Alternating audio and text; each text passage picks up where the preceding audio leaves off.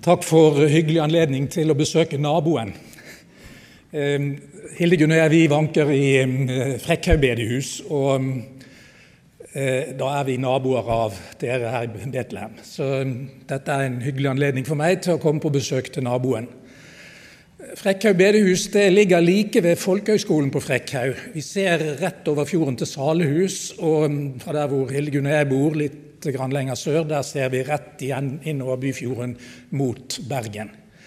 Eh, bedehuset vårt eh, på Frekkhaug det eh, er veldig fint. Vi er veldig begeistra for det.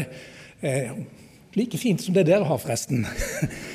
og så, og så vi, er vi i ferd med å få voksende naboer på sånn kloss rundt bedehuset. Vi har en nabo med barnehage, Leiketun, som eh, Frekkhaug Indremisjon eier og driver. og Der er det akkurat nå startet byggearbeider for å utvide barnehagen med en avdeling.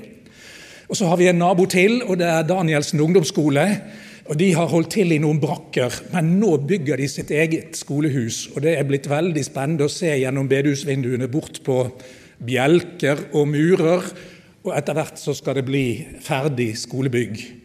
Så det er en veldig kjekk nabo å ha, i tillegg til den gamle naboen, altså Nordhordland folkehøgskole. Så det var bare et blikk tilbake igjen da til den naboen som jeg representerer i forhold til dere. Nå skal vi be før vi leser søndagsteksten. Kjære gode Gud, himmelske Far. Du har gitt oss Jesus som Herre og Frelser, og du har sendt din Hellige Ånd for å vise oss veien gjennom hverdagen. Og du har lovet at Jesus skal komme igjen til oss.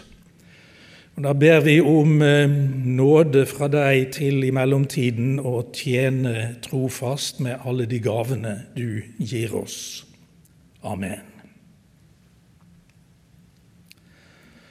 Søndagsteksten i dag står i Matteus 25, vers 14-30. Eh, For det er som med en mann som var i ferd med å dra utenlands.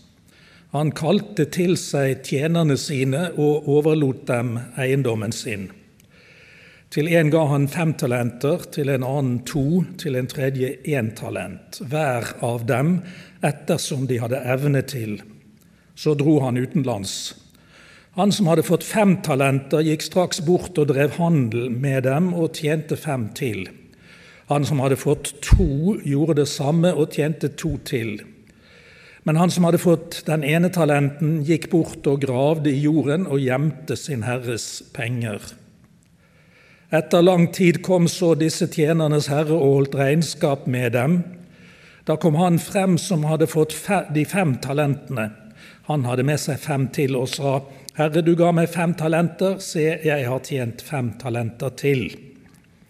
Herren hans sa til ham, Vel gjort, du gode og tro tjener.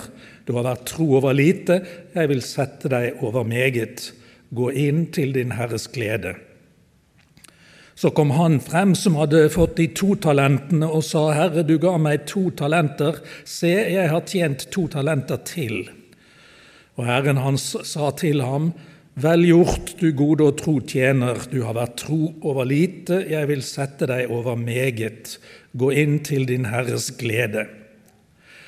Men også fått, eh, men også han kom fram som hadde fått den ene talenten, og han sa, Herre, jeg visste at du er en hård mann som høster der du ikke sådde, og sanker hvor du ikke strødde.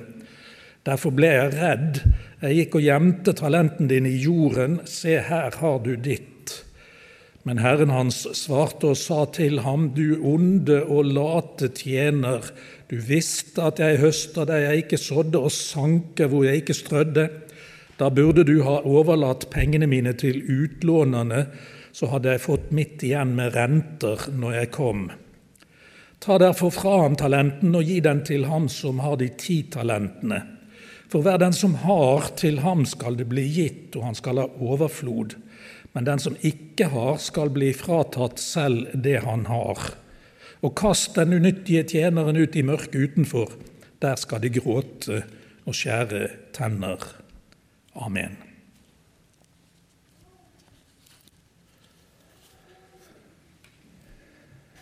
Dette er eh, søndagsteksten som vi har fått i dag. Jesus forteller en lignelse om talentene.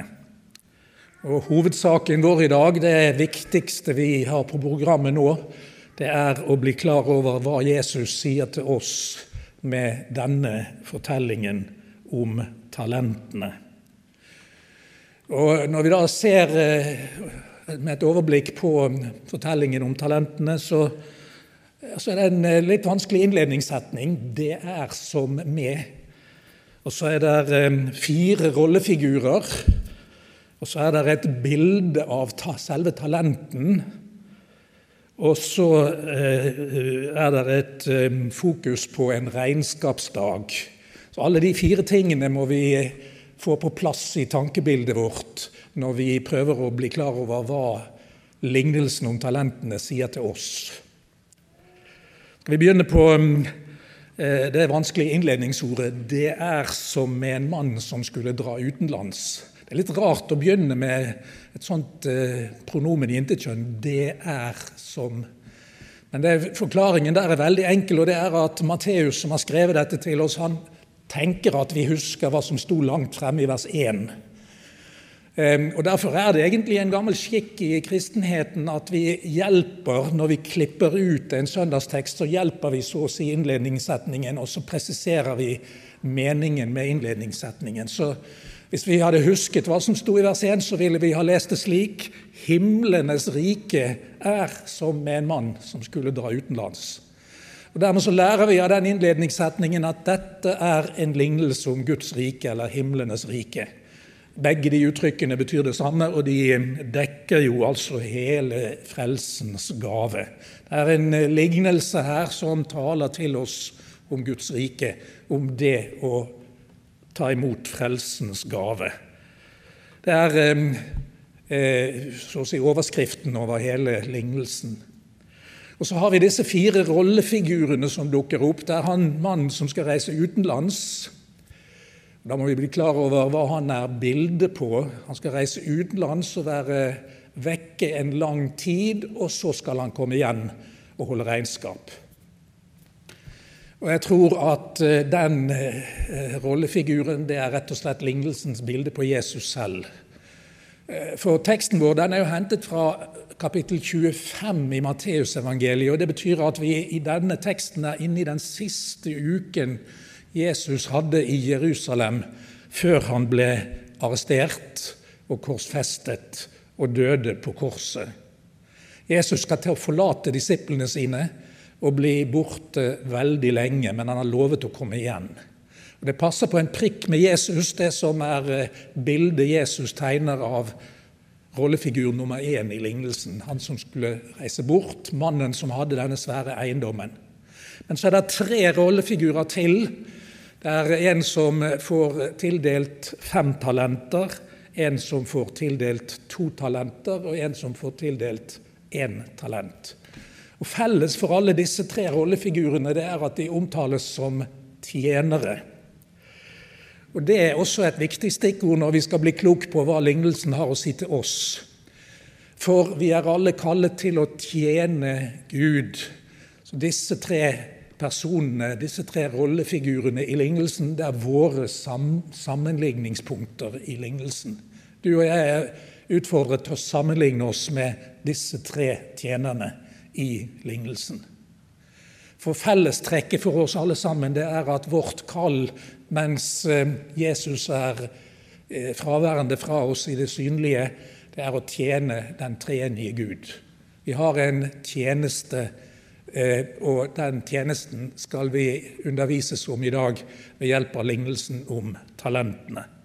Dermed så kommer vi til det store spørsmålet hva er talentene bildet på når det gjelder din og min tjeneste for den treenige Gud? Det er det store spørsmålet. Der er det sant å si litt meningsforskjell når det gjelder tolkningen av talentbildet. Det er en, eh, hva skal vi si, en verdslig, sekulær tolkning, og den leser vi eh, ikke minst på kultursiden i avisene. Jeg er gammel redaktør, så jeg er opptatt av dette med de forskjellige sidene i aviser. Og Det er noe i avisene som heter kultursider, og der står det en musikkanmeldelse en dag. Eller en eh, som har vært på et maleriutstilling en annen dag, og så kommer det anmeldelse. Og så skriver han ja, denne kunstneren han har stort talent. Da bruker han uttrykket fra vår tekst talent. Men han bruker det på helt verdslig vis om evner, f.eks. kunstnerevner. Eller vi kunne til og med ta det på skolen at denne eleven har masse talenter. Det sies ofte. Det har glidd inn i hverdagsspråket vårt, dette ordet talent. Og da brukes det om eh, evnene våre, utrustningen vår.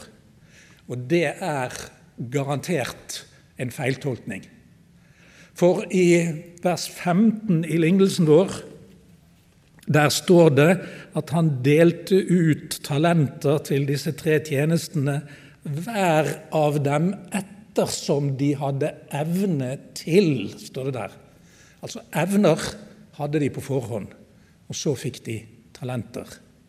Så Det betyr at talentene må være et bilde på noe annet enn evnene våre. Så fins det en eh, annen tolkning da, som er veldig maksimalistisk, og den eh, sier eh, at talentene er rett og slett bilde på hele gaven vi har fått fra Gud, selve evangeliet. På nettet akkurat nå ligger det en podkast hvor det går an å høre professor Sverre Bø på um, Fjellheim, på, Fjellhaug i Oslo, som kommenterer akkurat denne teksten. Og han sier i den podkasten at han eh, flere ganger satt og hørte på Eh, store, berømte predikanter, Carl Fredrik Wisløff og Øyvind Andersen f.eks., og begge de sa i sine prekener om denne teksten at talentene er bildet på selve evangeliet.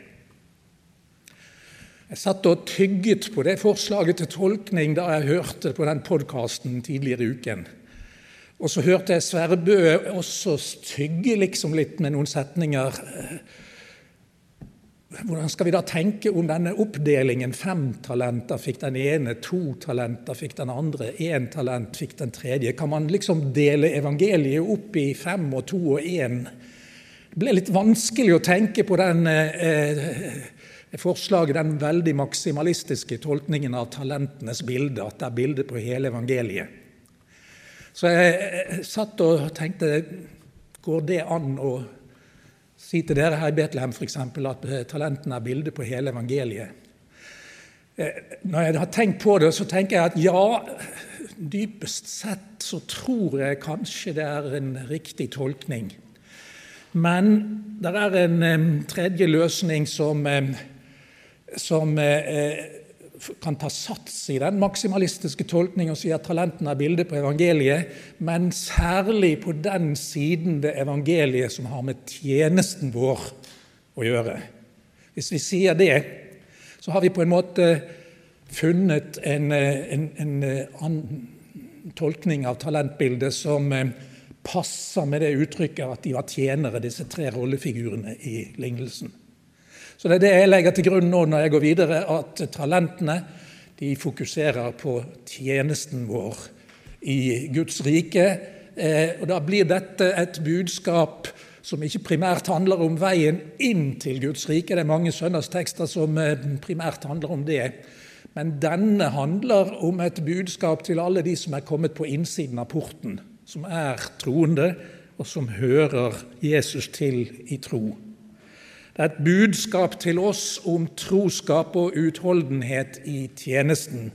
Om eh, å være virksomme med evangeliet i tjeneste mens vi venter på Jesu gjenkomst. Det blir eh, kjerneinnholdet av eh, budskapet om talentene da, i denne teksten. Da sier den altså til oss at du og jeg må tjene med evangeliet der hvor vi er satt i verden, mens vi venter på Jesu gjenkomst.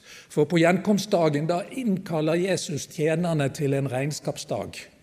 Og Da minner lignelsen oss om at tjenesten vår skal vi avlegge regnskap for hos Jesus på gjenkomstdagen. Sånn at det blir et hellig alvor over spørsmålet om tjenesten vår i hverdag og helg. Ja vel, nå har vi sett på alle de fire tingene i lignelsen som, eh, som eh, er varslet at vi først måtte se på. Vi har eh, nevnt et eh, innledningsord, at det handler om himlenes rike. Vi har nevnt de fire rollefigurene, derav tre tjenere og en herre som ligner på Jesus, at han kommer igjen. Og så har vi nevnt eh, selve talentbildet, og vi har nevnt regnskapsdagen. Det er lignelsens budskap opp i en sum, kan vi si. Men så må vi si litt mer konkret om den tjenesten. Og Da er det et budskap i Bibelen som kalles alle troendes prestetjeneste. Og Du kan høre på selve uttrykket at det handler om tjeneste, om å tjene med evangeliet.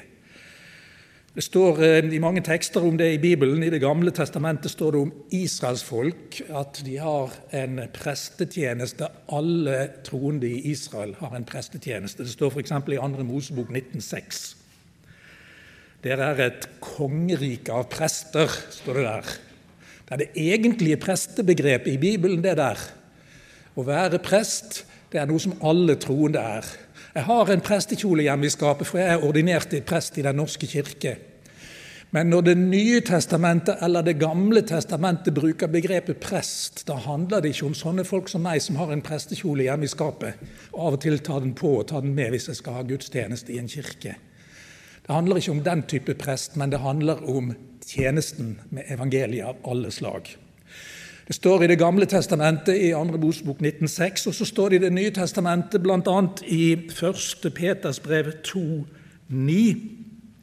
Dere er en utvalgt ett, står det der. Og så står det komma, og så står det ett kongelig presteskap.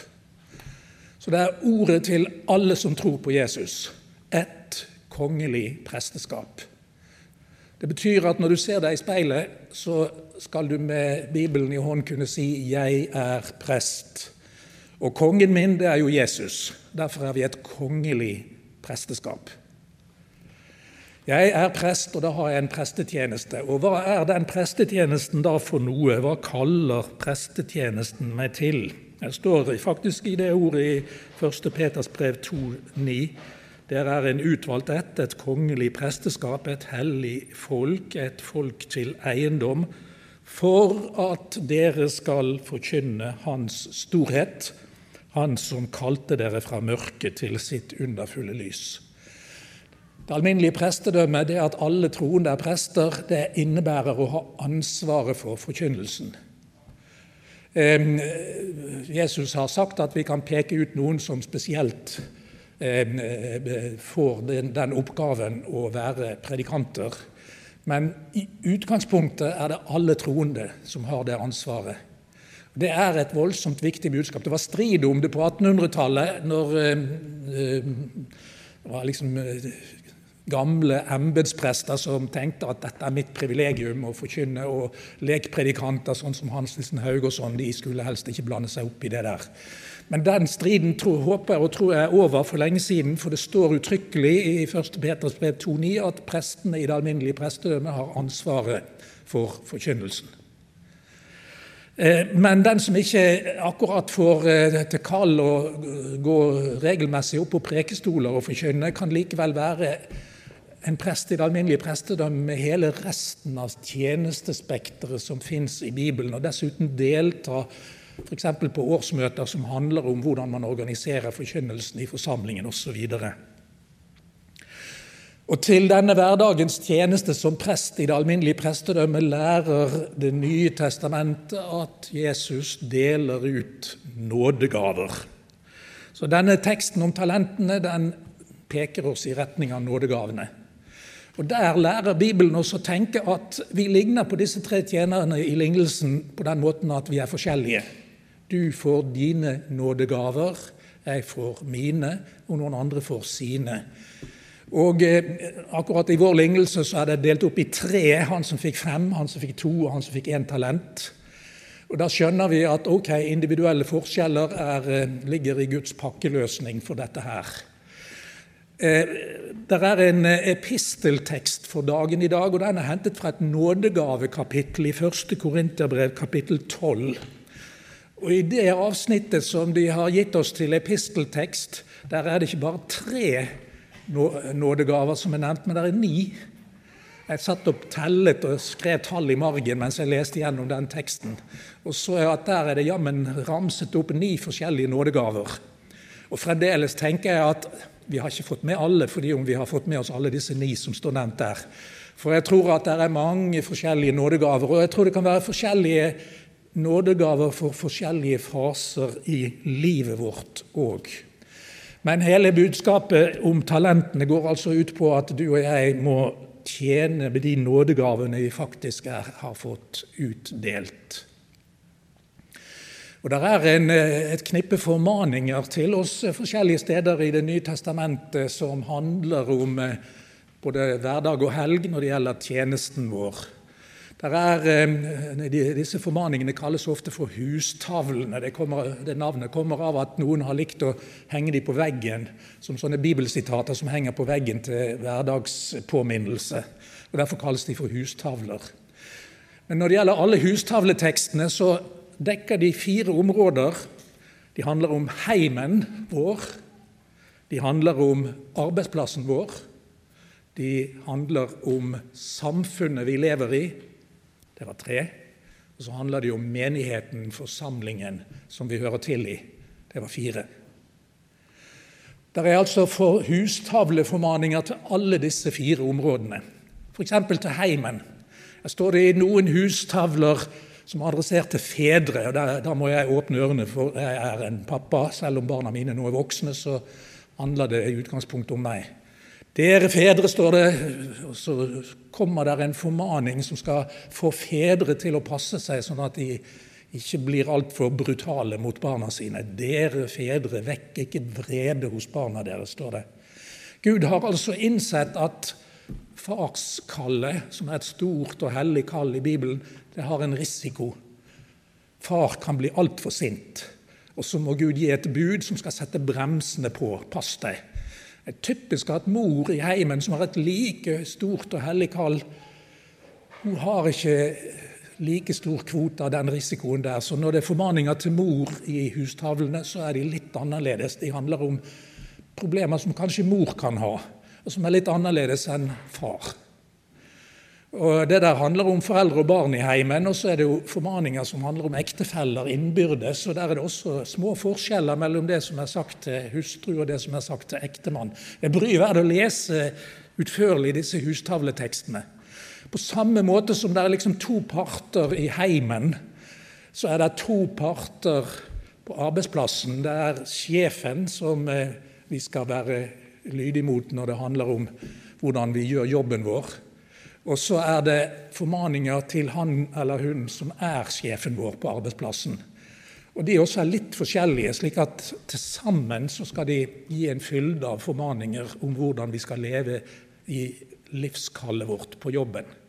Og tredje, Det tredje området det var jo ute i samfunnet, og der er det formaninger til og med til konger og presidenter, og altså til oss vanlige borgere som deltar i statsstyringen med stemmeseddel, eller kanskje får tillitsverv hist rundt i samfunnsstyringen, eller hvordan det nå kan være. Der er formaninger begge veier når det gjelder samfunnet.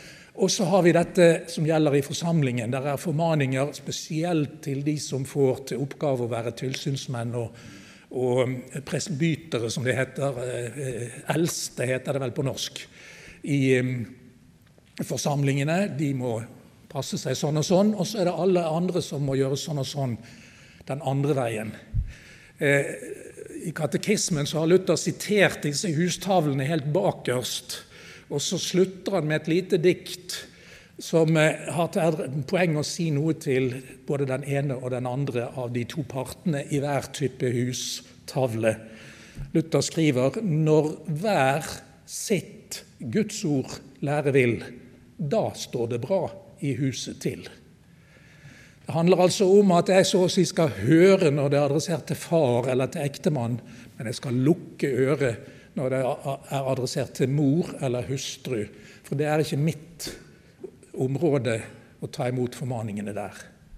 Jeg har altså et kall fra Gud til hverdag og til helg til alle disse fire områdene om å tjene Gud ved å tjene barna mine eller ektefellen min eller sjefen på jobben eller hvor det nå er. Jeg tjener Gud ved å tjene i kallsoppgavene her i livet. Og hvor mange kallsoppgaver har vi da?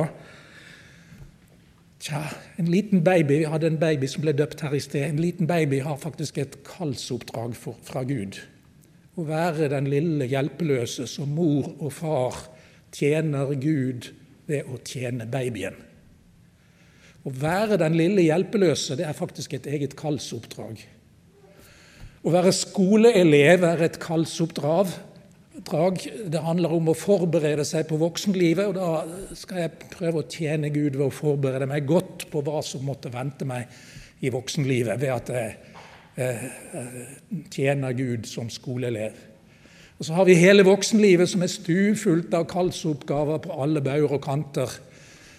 En dag er det min tur å ligge på et pleiehjem og være hjelpeløs igjen, akkurat som babyen. Da har jeg faktisk som hjelpeløs pleiepasient faktisk også et kallsoppdrag fra Gud. Og Det å være den, det objektet som ligger der, den personen som ligger der, og så kommer det noen og tjener Gud ved å pleie meg på pleiehjemmet. Det er faktisk også et embete fra Gud å være pleiepasient. Så hele livet vårt er omgitt av kallsoppdrag. Og for alle som tror på Jesus, hele livet vårt er et liv i prestetjeneste for Gud. Som eh, Mathias Orheim skriver, 'Jeg har ei tjeneste stor for Gud'. Det er en flott salme om disse emnene her. Og Det handler altså i virkeligheten om å sette talentene våre fra Gud i arbeid med nådegaver og med kallsoppgaver eh, alle steder. Og Så er jeg kommet til sluttpoenget mitt. med dette fokuset på regnskapsdagen som vi så å si har skjøvet litt foran oss. Det er litt nervepirrende å snakke om regnskapsdagen. Og Det er nervepirrende å tenke på han tjeneren som simpelthen hadde boikottet alt som tjenestehet og gravd talentet ned i jorden. Men vi må jo nevne det òg. Jeg har lest en preken av en gammel skolekamerat. For eh, over 50 år siden så gikk jeg på Bergens katedralskole, og da gikk jeg i klasse med en som het Harald. Harald Kaasa Hammer. Eh, og da vi var ferdig eh, på Katten her i byen, så studerte vi begge to på Menighetsfakultetet. Og Harald han ble prest østpå, i Vestfold et sted. Mens jeg har vært her vestpå hele livet etterpå. Eh, så jeg har fulgt med på den gamle skolekameraten min, og nå denne uken fant jeg en preken som han hadde holdt over vår tekst om talentene. Den lå på nettet, og så leste jeg hvordan Harald et sted i Østfold hadde prekt til sine tilhørere om regnskapsdagen. Og så sluttet han den preken sin med noen linjer som jeg har lyst til å lese høyt. Harald skriver Kanskje kan det kaste lys over teksten hvis vi bytter ut ordet talent med ordet menneske.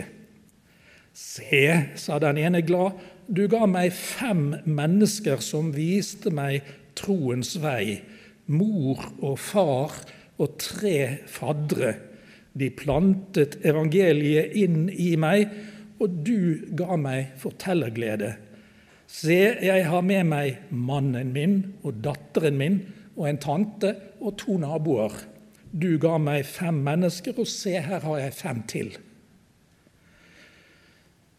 Se, sa den andre stolt, du ga meg to mennesker som viste meg troens vei, en bestemor og en onkel. De plantet evangeliet i meg, og du ga meg evne til medynk. Se, jeg har med meg den jeg lå på sykehus sammen med, og jammen fikk jeg med en av legene òg. Du ga meg to mennesker, og se, jeg har med meg to til. Det er bra, sier Herren, og her dere, skal dere møte mange flere. Dere har hatt med dere mange flere enn dere er klar over selv. Kom inn til gleden, så skal dere få møte slektninger og naboer som vil overraske dere. Sånn sluttet Harald sin preken i Vestfold, og sånn slutter jeg min preken her. Amen.